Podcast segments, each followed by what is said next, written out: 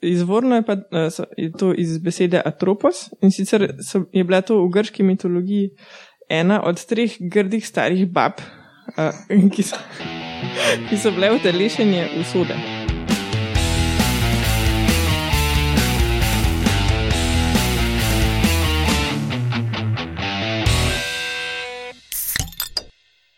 Lepo zdrav, poslušate 34. oddajo podcasta Metamorfoza, to je podcast o biologiji. Podcast gostuje na medijskem mreži Metina Lista. Danes smo se dobili standardna ekipa biologov iz uh, moje desne proti levi, Roman Luštrik, tonski mojster. Uh, Biostatistik, gozni ja, oža, v eni osebi. Laura in Alenka Rozman in Urša Fležar in jaz, Matjaš Gregorič. Ja, povejmo še, kdaj to snemamo. Na današnji dan leta 1914 se je rodil Jonas Edward Salk, ameriški biolog in zdravnik, je bil eden prvih, ki so odkrili in razvili učinkovito cepivo za otroško paralizo. Pol pa hecno, na istega dne 1956 je Elvis Presley bil na televiziji in se na nacionalni televiziji dal cepiti za otroško paralizo. In ta dogodek je v naslednjih šestih mesecih v ZDA dvignil porast precepljenosti za otroško paralizo iz 0,6% na 80%. je, je presli eh, cepil otroke, pa njihove mame, z enim zamahom. Ok, pa gremo kar na prvo rubriko, na novice, ker bo Roman po Blitz krigal dve zanimivi novici.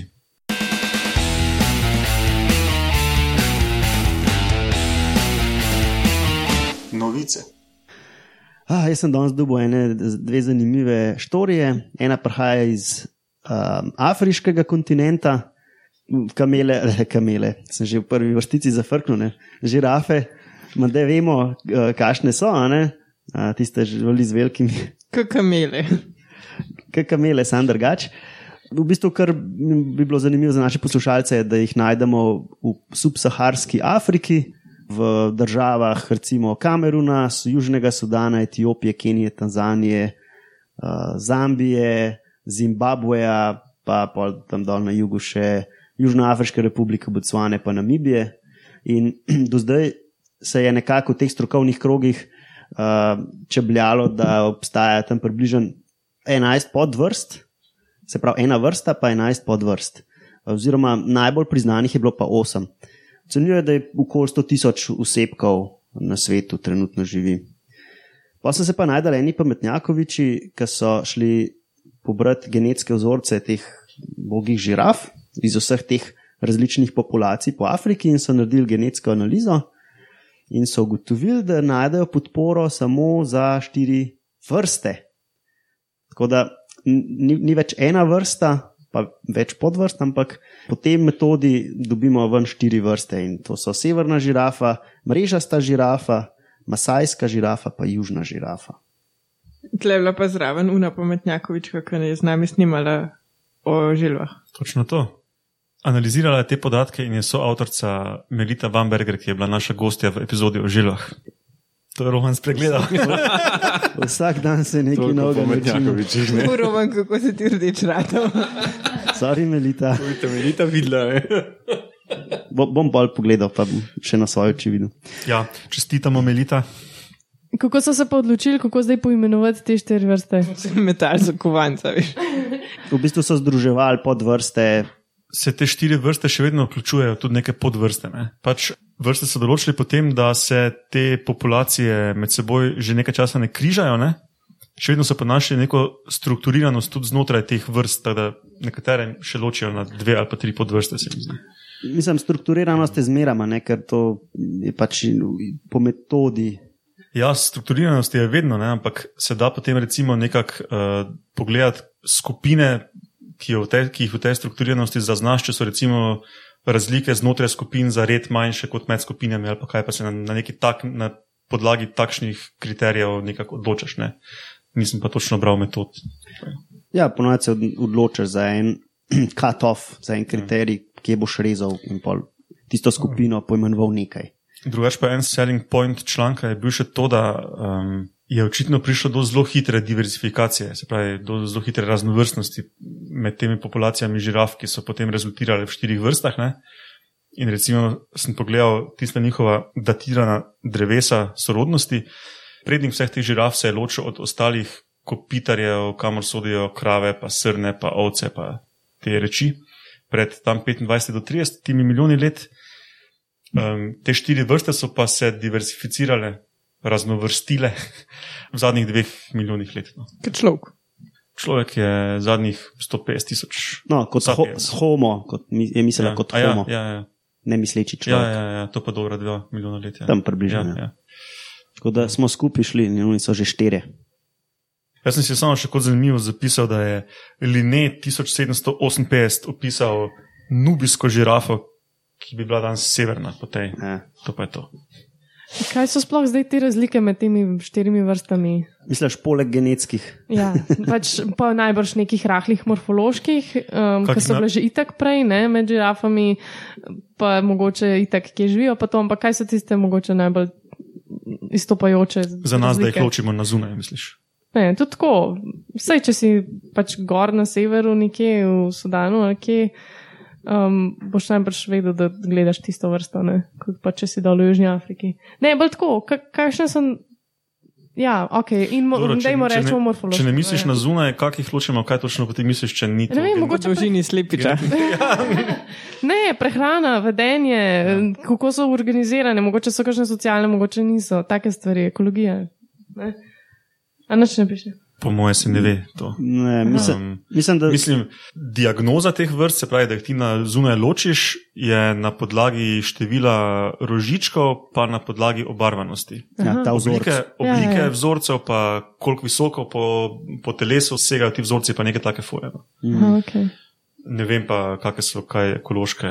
Okay, ja. Jaz bi si z lahkoto predstavljal, da imajo podobno ekosistemsko vlogo. Ne? Pač tam, kjer so. Ja, ja, to je zihar. No, ok. Okay, ta druga novica je pa z mal manjšega sveta, uh, iz mikrosveta bi lahko rekel. Eni so gledali uh, odpornost počasnikov na ekstremne razmere, oziroma še bolj, kaj omogoča, da so tako odporni. A to so trdigradi. Tako, ne, Lenka že se dobro spomni. To so ne take zelo majhne živalce, ki zgleda kot eni medvedki, ki imajo take krimpelčke. Sem, hej, sorry, no to pa res ne vem, kdo se je to zmislil, da so podobni medvedom. Pa so. So pa taki luškani. Če bi ti videla na vajah, kakšen raznežen obraz je Simona naredila in začela govoriti o teh živalih, bi vedela, zakaj so medvedke. Ja, ok. Ja, jaz moram reči, da, mi, da pač poznam izraz water bears za njih, pa mi je kar simpatičen, ker imajo take male krimpelce in tam pač taki malo bolj čabi so, ne? Malo Sočkasti. bolj polni, sočkasti, ja, in tako pač medvedkasto plavajo. Torej, očitno je to čist uh, tako Apno. meni, meni je asociacija všeč. splošno. Kaj je morski prešiček? Ja, meni je asociacija všeč. No, teh vr... Um, pardon, pa še tiho tapke meni rečejo. Meni se to, to pa a res. sem, a sem zajebo. Mislim, da je nekaj v tej smeri. Uh, no, teh vrst poznamo več kot tisoč, in ker so pač zelo majhni, uh, za življenje potrebujejo vodo, eni bolj kot drugi. In tisti, ki so na kopnem, se pravi nekje v teh vodnih filmih po različnih uh, strinah ali pa po substratu, še ekstra dobro prenašajo sušo. Zdaj, uh, če se prav spomnim, so to pred leti celo v vesolje poslali te uh -huh. uh, počasnike, da so gledali, kako se obnašajo v tistem sevanju, pa mrazu, pa ne vem, kje še vse. Uh, Pa nedavno so jih odmrznili po treh desetletjih, pa so pa preživeli. so preživeli. Ne? No, in te polkopenski so zelo zanimivi za študiranje, ker so ekstra odporni, kot sem že rekel. Uh, ker v času suše pridajo v eno tako stanje, ki se ji reče strokovno anhidrobioza, uh, pač po naše pa to pomeni, da je to stanje brez vode, ker eno tako zimsko spanje grejo in uh, se sami dejansko izsušijo. In pri tem izsuševanju je zanimivo to, da se dogajajo uh, zanimive kemijske stvari, ki jim omogoča, da prenašajo ekstremne dejavnike, kot je recimo temperature do 273 stopinj Celzija minusa, pa tam tudi skoraj do 100 stopinj plusa, abnormalno visoke tlake, recimo, ki imamo zapisano, da je 7,5 gigapaskala tlaka prenesejo Uh, normalen tlak je pa 100 kilopaskala, se pravi, ni cela ena gigapaskala. ne. Uh, odporni so na organska topila, na velike doze sevanja in tako dalje. No, in tukaj v tem članku so uh, sekvencirali genom in so začeli študirati uh, dejansko te mehanizme, ki pripeljajo, da, da znajo svojo biokemijsko tovarno pospraviti tako, brez vode jo zložiti, da polka pride spet voda, se lepo naprej napih, napijajo in naprej delajo, kot da ni bilo nič. No, zanimivo je to še, da so posekvencirali en genom vrste, ki se imenuje Ramacotius vario ornatus. S kakšnim posebnim namenom, tako je. To se raj nisem poglabljal. To, to je preveč pop za me. Nekomu na čast. Um, Kakšno vprašanje? Ja, bistva nisi razložil. No, sekvencirali so genom in so ugotavljali, kje proteini pomagajo pri izsuševanju. In, ali mogo jaz kaj drugega povedati? Bistvo članka je to, da so prvič identificirali, da je, ima genom pomnožene gene za, za sintezo antioksidativnih encimov, pa za popravilo DNA, in da ima en specifičen protein, ki ga noben drug organizem nima, ki se kot histoni naši vežejo na DNA in ščitijo ta DNA počasnikov pred radiacijo, pa pred drugimi poškodbami, in da so ta protein probali dati tudi v sesalče in človeške celice, in je tudi naše, našo DNA zaščitilo. Top. No, um, Meni men se, men se zdi to ful preveč, da je tehnično za blic. Ja, ampak- ampak eh, mogoče sem narobe razumel. pa- pa meni se zdi sam pri tem še vreden povedati, da gre za ene majhne živale, tam 0, 0 ja, oziroma 0,1 mm. recimo. Ja, pa nastali so že pred 600 milijonov let, so se pojavili. Tako Da so, je stara oblika življenja trdoživa, kot sam Satan. Nepresenetljivo, če so tako odporni. Ja. No, lepo si to dopolnil. Hvala, Roman, za pohvalo.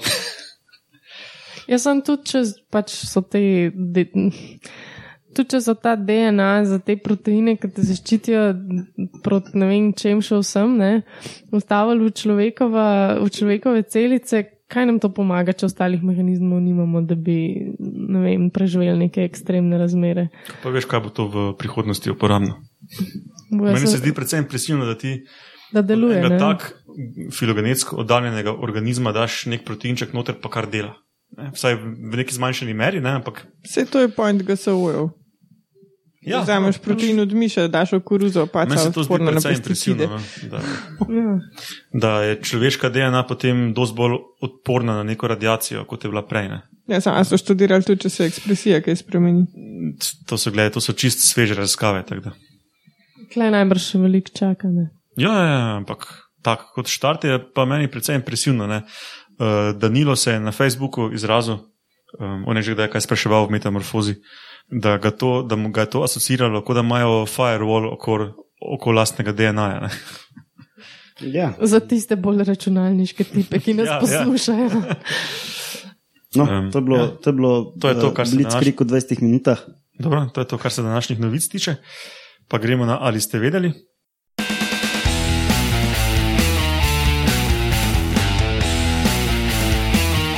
Ali ste vedeli? Zdaj pa v ali ste vedeli, no, na splošno sem se jaz odločil, da v želji po malo večji interaktivnosti podcasta bomo kdaj imeli kakšen kviz, pa bomo kdaj kakšen zvok ugotavljali, pa takne. In bomo danes imeli pri ali ste vedeli kviz, v katerem bomo malo več zvedeli o glavonožcih, pa ker je to, to res taka odpaljena skupina organizmov, kateri bi celo epizodo lahko imeli, ne bomo pač, pač čeri pikal neke bizarne lastnosti, ki jih imajo ti organizmi. Pa najprej uvod v par stavkih v glavonožce.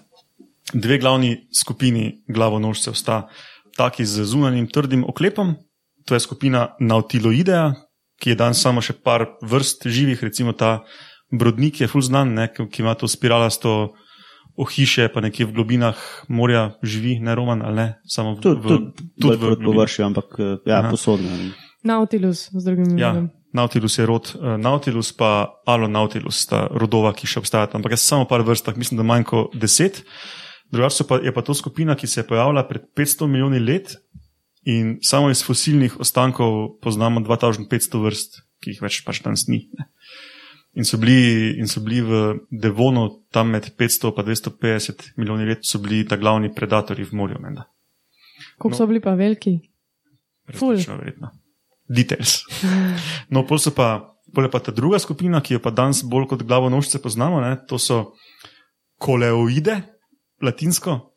Um, pač ti mehki glavonožci, ki imajo pač neko, neko, notranje, neko notranjo oporo, ali to sipi na kost pri sipi, ali tisti kljun pri hobotnici, karkoli pač to je. ne. Kljun so usta. Mislim, da ne gre za uporo kot pač za neko grizalo. bolj. Ja, Ja, mislim, da one tega imajo čisto popolnoma zakrnil ta trd del ogrodja. No, um, to so hobotnice sipe in lignine. Prvič so se pojavili pred približno tri- 330 milijoni let. In tudi poznamo 8500 izumrlih vrst po fosilih, um, in še približno 800 še živečih. In o teh bomo govorili. Se pravi, če bom rekel glavonožci, bom mislil koleoide, ne? se pravi hobotnice, ligne in sipe. Tako, zdaj pa sem za kviz pripravil štiri izjave, A, B, C, D, ki jih bom prečital, in eno od teh sem priredil tako, da je napačna. Se pravi, tri so prav, ena pa ni prav. In vi morate seveda odkriti, kira ni prav. A lahko googlamo vmes. Dej, no, ne, Ne. Don't spoil the fun. No ja, in ta želja po interaktivnosti je to, da lahko potem tudi uh, poslušalci z vami ugibajo. Ne? Ok, izjava A. Kljub spreminjanju barve in kamuflaži glavonožce smatramo za barvno slepe. Imajo en tip fotoreceptorjev in zato ne, morejo, ne zmorejo primerjave intenzivnosti svetlobe v več spektrih. Izjava B. Glavonožci imajo tri srca. Dvoje src potiska kri skozi kapilare škrk, tretje srce pa potiska kri po telesu. Izjava C. Nekatere okončine glavonožcev imenujemo roke, druge pa tentakli. Tentakli imajo priseske po celotni dolžini, roke pa samo na koncu. Hobotnice imajo 8 tentaklov in nič rok, potem takem, ligni in sipe pa imajo zraven 8 tentaklov še dve roki. Izjava D. Glavonožci so poznani po črnilu, s katerim zmedejo plenilce. Črnilo je shranjeno v posebni vrečki in je skoraj izključno sestavljeno iz pigmenta melanina. V oblaku črnila je primešana še sluz iz črevesa, vse to se izbrizga, ko se žival požene z brizgom vode. Tak. To si ti čist dobro zakamufliral. Ja, ja. Kog, kakšen del stavka mora pa biti na robe, da je na robe? Ja, meni se zdi ta ta prvi na robe. Um, ni res to, kar sem prečital. No. Pač A je, da so barvno slepe, se pravi, če to ni res, potem vidijo barve. B je, da imajo tri srca, torej imajo tri srca ali jih imajo več ali manj.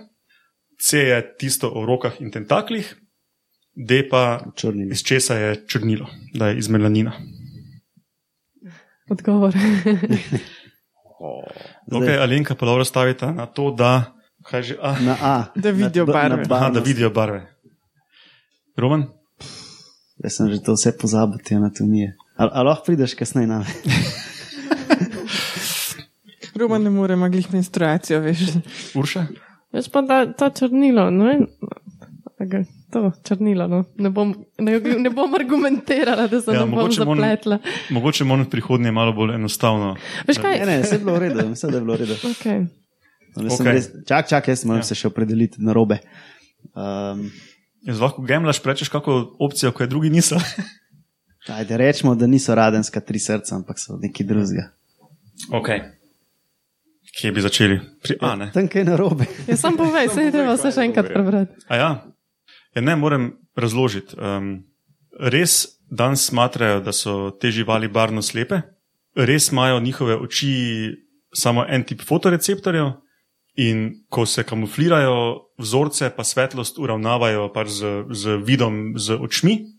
Barvno kamuflažo pa verjetno uravnavajo s pomočjo celic imenovanih iridofore in leukofore, ki odbijajo svetlobo in so v koži. Ne, pač so indici, da In sploh niso fotoreceptori. In pač smatrajo, in, in, in pač smatrajo da do neke mere vidijo skožo. Ne. Zdaj, ali jih imenovati barvno slepe ali ne, Mislim, da Čakaj, no. to je Ja. ena stvar, ki se hočemo predalčkati, pa je brez potrebe. Če znaš uporabiti barvno Ja. informacijo, si vidiš barve. Ne, kaj. no, to je to, zmagala sta za konca Rozman. um, ne, se to ni bila tista izjava, ki ni pravilna. Po mojem, malo preveč okej. zakompliciraš tako. ne? Ja, mogoče je samo ta bila komplicirana. no. Um, Imajo tri srca, Roman, izjava je čist res. Eno pumpa po telesu, dvoje pa poganja po kapilarah škrk. Urša je rekla črnilo, ne? Ja. Tudi to je res iz melanina sestavljeno in se pomeša z sluzjo.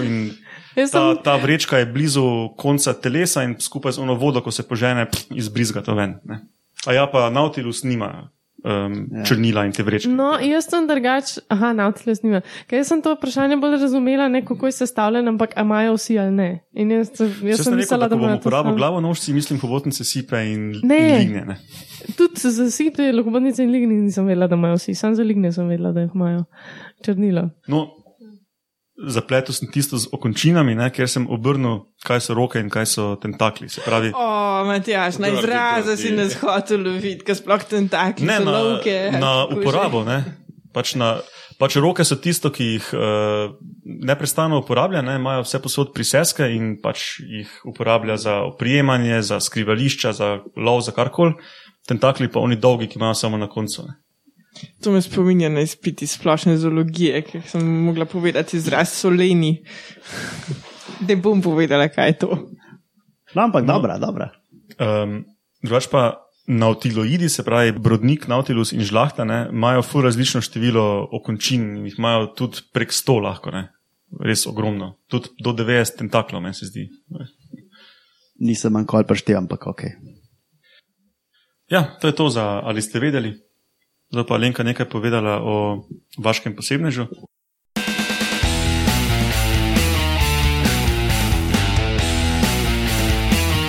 Vaški posebneži.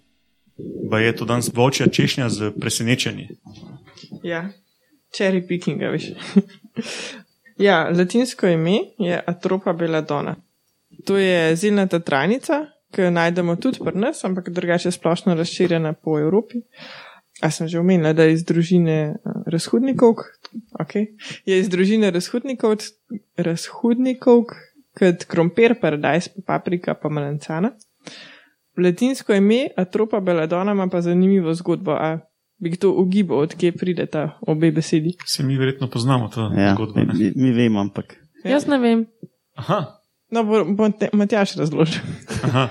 No, koliko se jaz to spomnim, pač Beladona izhaja iz tega, da so si nekdaj, kjer časih je to bilo viktorijanskih ali kjerkoli, barok. Mislim, da že vsaj v rimskih, verjetno, Aha, prej aha. tudi. no. da, da, so si, da je pač bil nek, ne vem, če lahko rečem, ideal lepote, ampak vsaj, da je bilo lepo, če si imel velike zenice in da so si kapljale ženske to v oči, da so se zenice razširile, če se jaz prav spomnim uh Mhm. -huh. razlage. In so uh, pri, prilično oslepele. Pač, Ja, atropa pa, ker ima atropin. Ne, Ne, ne, plota, tukaj ne. gre pa obratno, Aha. da se atropin imenuje po tej rastlini, oziroma A. po rodu atropa. Um, iz, izvorno je pa eh, so, je to iz besede atropos in sicer so, je bila to v grški mitologiji ena od treh grdih starih bab, uh, ki, so, ki so bile utelešenje usode. In ena je, uh, imele so pa um, nalogo, da so končale življenje smrtnikov. Um, pač njihova, uh, življenje smrtnikov naj bi bilo na nitki, in ena od njih je imela vreteno, druga je odmerila dolžino vrvice, in Atropos je pa prerezala to vrvico. Sej, če ste kdo, če gledal kdo Herkulesa, ne, Disneyjev risanko, pa točno ve, kdo so te tri bave, pa kako tisto nitko delajo in režejo in se hihitajo zraven. ne, noben. Mi smo gledali Herkulesa, ki je bil sneman desetletja prej. No, za mlajše. Nas še, nas še čaka. Ja. Uh, no, je to ena najbolj strupenih rastlin tle, Evrazije in Afrike, verjetno. In strup najdemo celo v medu, če čebele nabirajo cvetni prah oziroma nektar na vroči češnji. a, a strup to, ta trupin. Ja, strupi so pa v bistvu iz skupine tropanskih alkaloidov in jih je v bistvu cel koktejl v tej rastlini.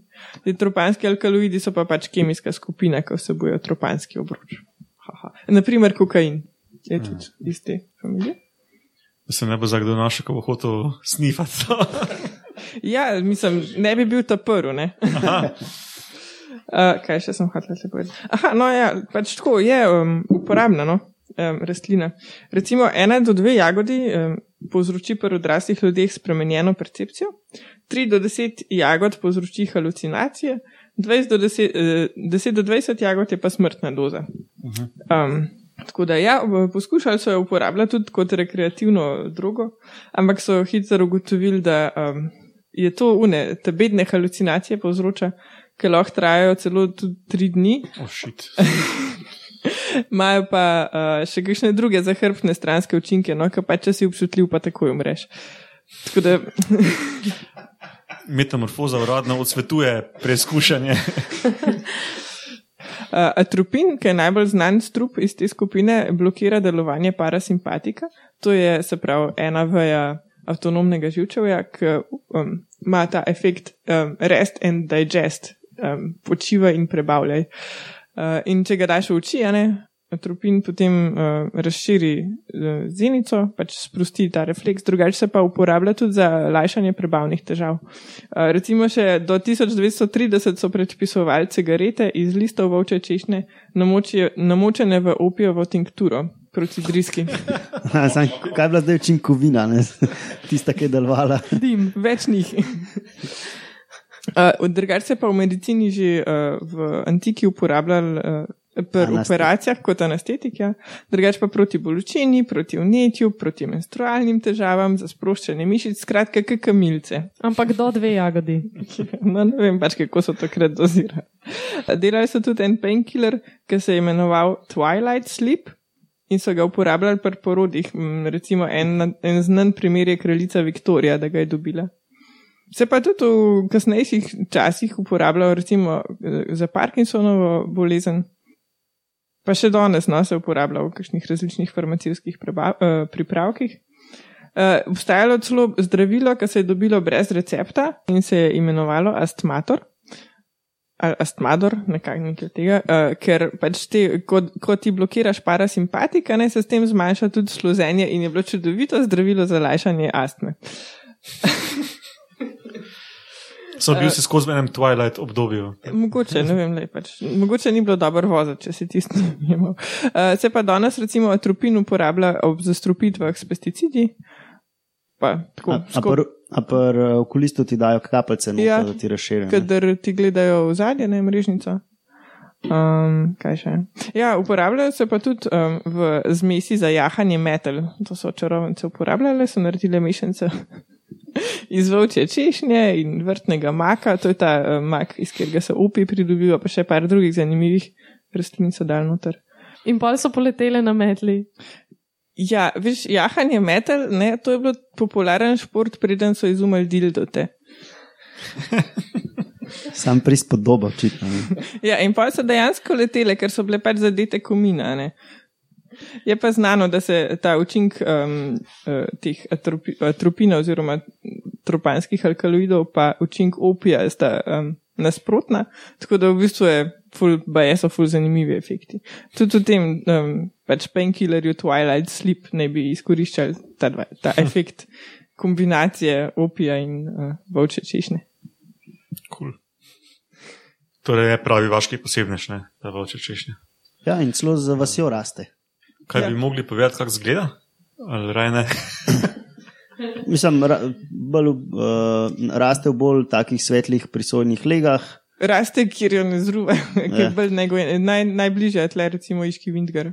Kaj je to en taki Ne. ne. grm, visok? Ne, v koliko- bistvu m, ne, taka, kaj ena je ribika, habitus ima, samo da je sam dva metra visoka, pa ni olesenila, pa Ja. ja. tak cvet ima, kot razhodniki, kot Aha. krompir, pa pač take črne bobice v velikosti češnje gor rastejo, ki zgledajo kot paradajz. Ker Ja. češnje v paradajz, samo da so črne. A to velike zrastejo? Ja, ja. Sej zelo markantna zadeva, takoj vidiš, da je nekaj drugače. Pa je, da so ful sladke po okusu. Je pa cela rastlina strupena. Tega Mislim, da sem jaz to celo na faksu v herbariju imel.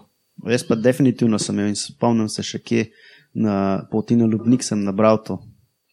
Ej, kaj pa eh, glede raznašanja plodov in oziroma semen? Um, pač eni ptiči so odporni zgledali, kaj, oziroma mogoče sam koščice.